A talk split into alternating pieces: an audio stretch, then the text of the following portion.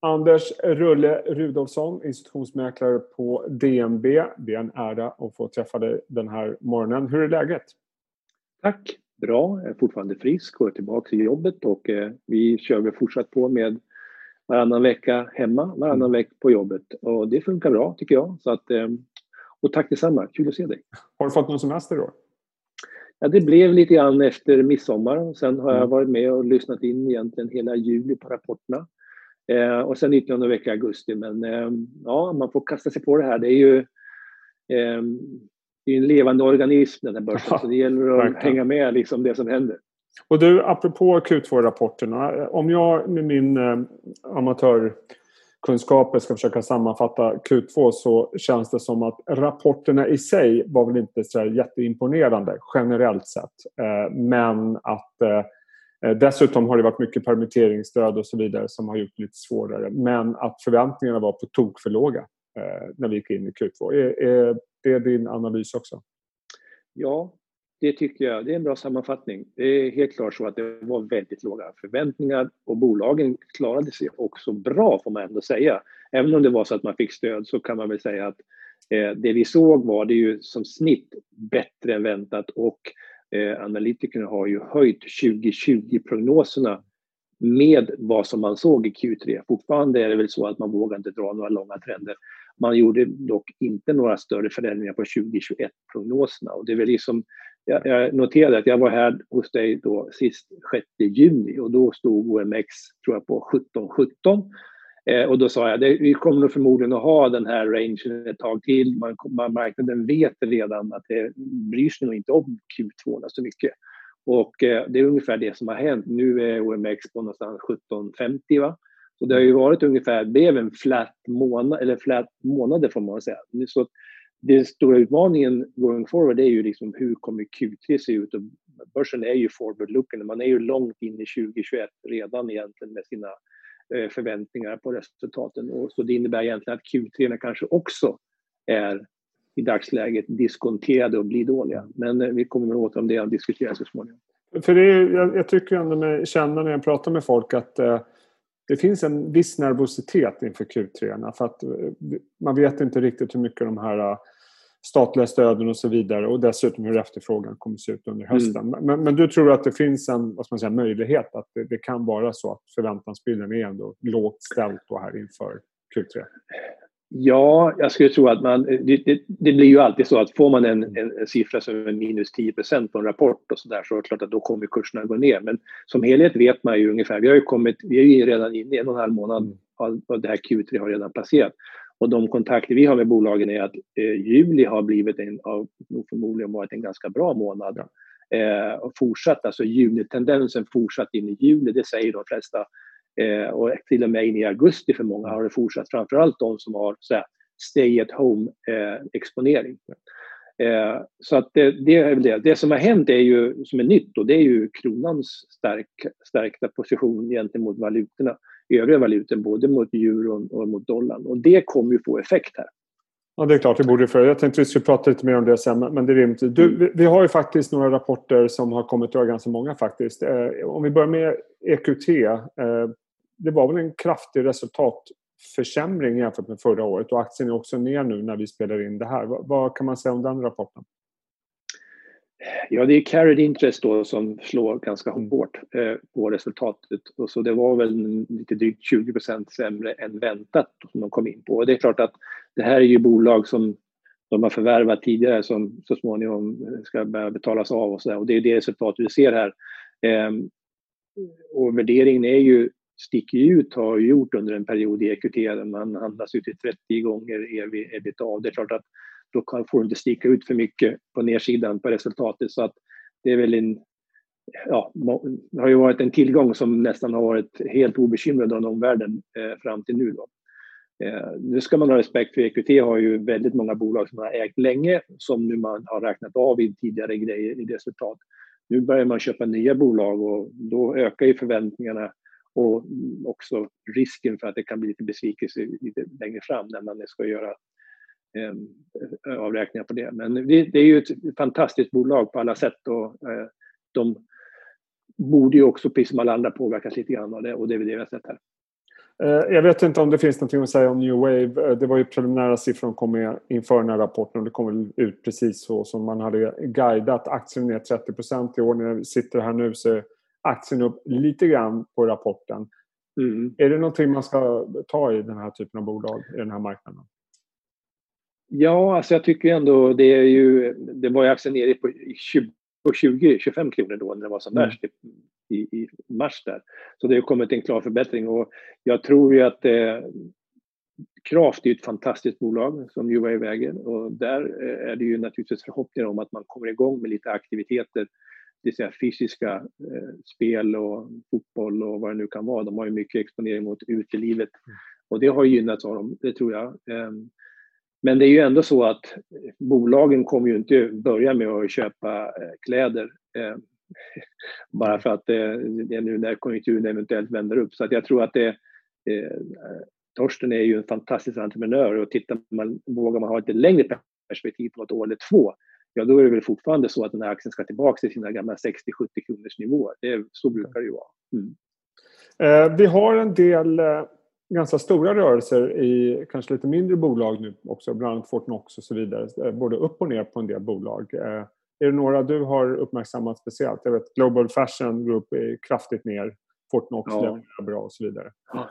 Fortnox fortsätter ju leverera. Det är ju uppenbarligen, det, det verkar inte bekymra dem någonting vad som händer i omvärlden. Och det var ytterligare ett bra kvartal här så det är imponerande vad de lyckas få ut ur det bolaget. Eh, det är några på nedsidan som åker på stryk ordentligt idag. Du nämnde ju Global Fashion Group 20 ner. Jag har inte riktigt tittat på exakt vad det var som var så dåligt. Ett annat bolag som har fått mycket attention sista tiden det är ju det här videobolaget Bambooser ja. som äh, åkte ner, äh, ner 15 procent någonting idag också.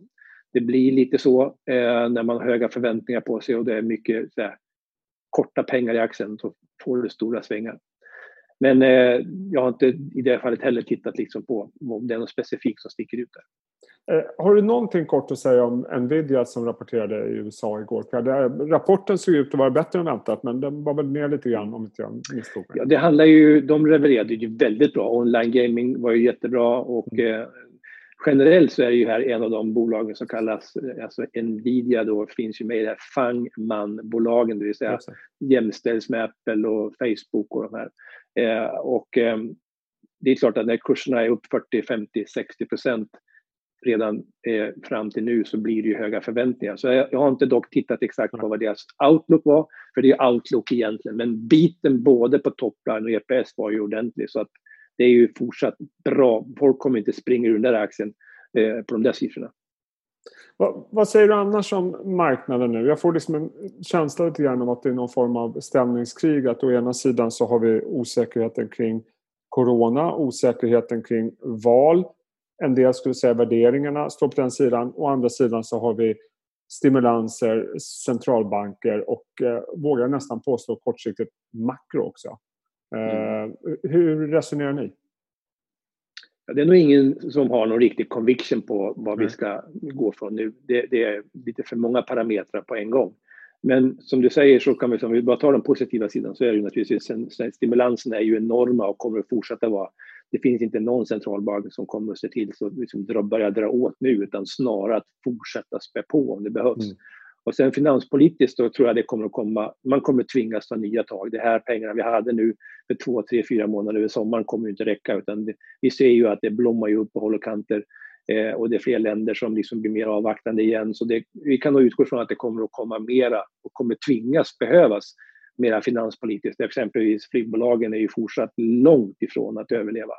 Eh, exempelvis. Så det har du där och det så att du får nog fortsatt bra stimulanser. Eh, vi går in i en period nu där makro förmodligen planar ut de närmaste månaderna. Vi har haft ett kraftigt V-uppställ eh, och, från, och nu är vi tillbaka på många PMI-siffror, att det är tillbaka där vi var någonstans i januari, februari. Alltså, hur tar vi det vidare från den här nivån om det är så att vi samtidigt ser lite ökande tendens på covid-19. Så att jag tror att det är det negativa. Eh, och sen har vi då naturligtvis valet. Och börsen brukar faktiskt inte performa speciellt bra förrän valet är över. Så att eh, best guess just nu det är väl att vi har lite en liten trading range här nu. Mm. Eh, Medan samtidigt om man tittar lite längre perspektivet så tror jag att man underskattar vad det finanspolitiska och centralbankernas likviditet gör för börsen. Eh, jag tror att det kommer fortsätta. Så i min värld är det ändå så att under hösten här så kommer vi nog, ju närmare vi kommer årsskiftet, vi kommer, närmare vi kommer en, en vaccin som förhoppningsvis blir godkänt då, eh, så tror jag att vi kommer att ha högre kurser. Men det kan ju ändå vara så att vi ska ner och liksom få en liten anhämtning på den här nivån. Det behövs. Jag såg i ditt eh, morgonbrev häromdagen att du uttryckte det i form av att man ska inte vara rädd för all time high. Eh, och du Nej. hade någon graf som supportade det också. Va, va, hur resonerade du kring det? Nej, men det har väl varit nästan alltid så att det är ju, det har ju sett i Nasdaq om inte annat som tidigt gick på nya highs och det har ju bara egentligen fortsatt upp där. SP500 är ju då, testar precis just nu, var ju på high i förrgår, kom ju tillbaka lite grann igår. Eh, men det har ju ändå, brukar vara så att en, en, en ny all time high är ett bra köpläge, inte ett säljläge. Och jag tror att eh, i Sverige är vi en bit ifrån det än så länge. Small cap har ju fortsatt att performa, men tittar du på MX30 och benchmark index och så där så är det ju inte riktigt där än. Eh, men vi har haft en väldigt stark korrelation med SP500 eller med USA under hela året. Så det är USA som sätter trenden om vi ska vidare upp eller ner från den här nivån. Och jag tror mm. som sagt att eh, tittar vi vid årsskiftet så är vi högre. Och du nämnde eh, presidentvalet förstås och min uppfattning har alltid varit att marknaden eh, egentligen vill se Trump som, som president eftersom han kanske är lite mer då företagsvänlig. Eh, det, det, känns som att marknaden inte riktigt orkar ta till sig valet ännu för att Bidens, tittar man hans förslag om skattehöjningar så kommer det stå ganska rejält på S&P 500. Ja, och det, det är ju det, är det man har slagit fram. Man kommer höja skatterna från de här 22 procent som Trump tog ner till någonstans 28 procent. Så det är ju inte, är inte dramatisk höjning.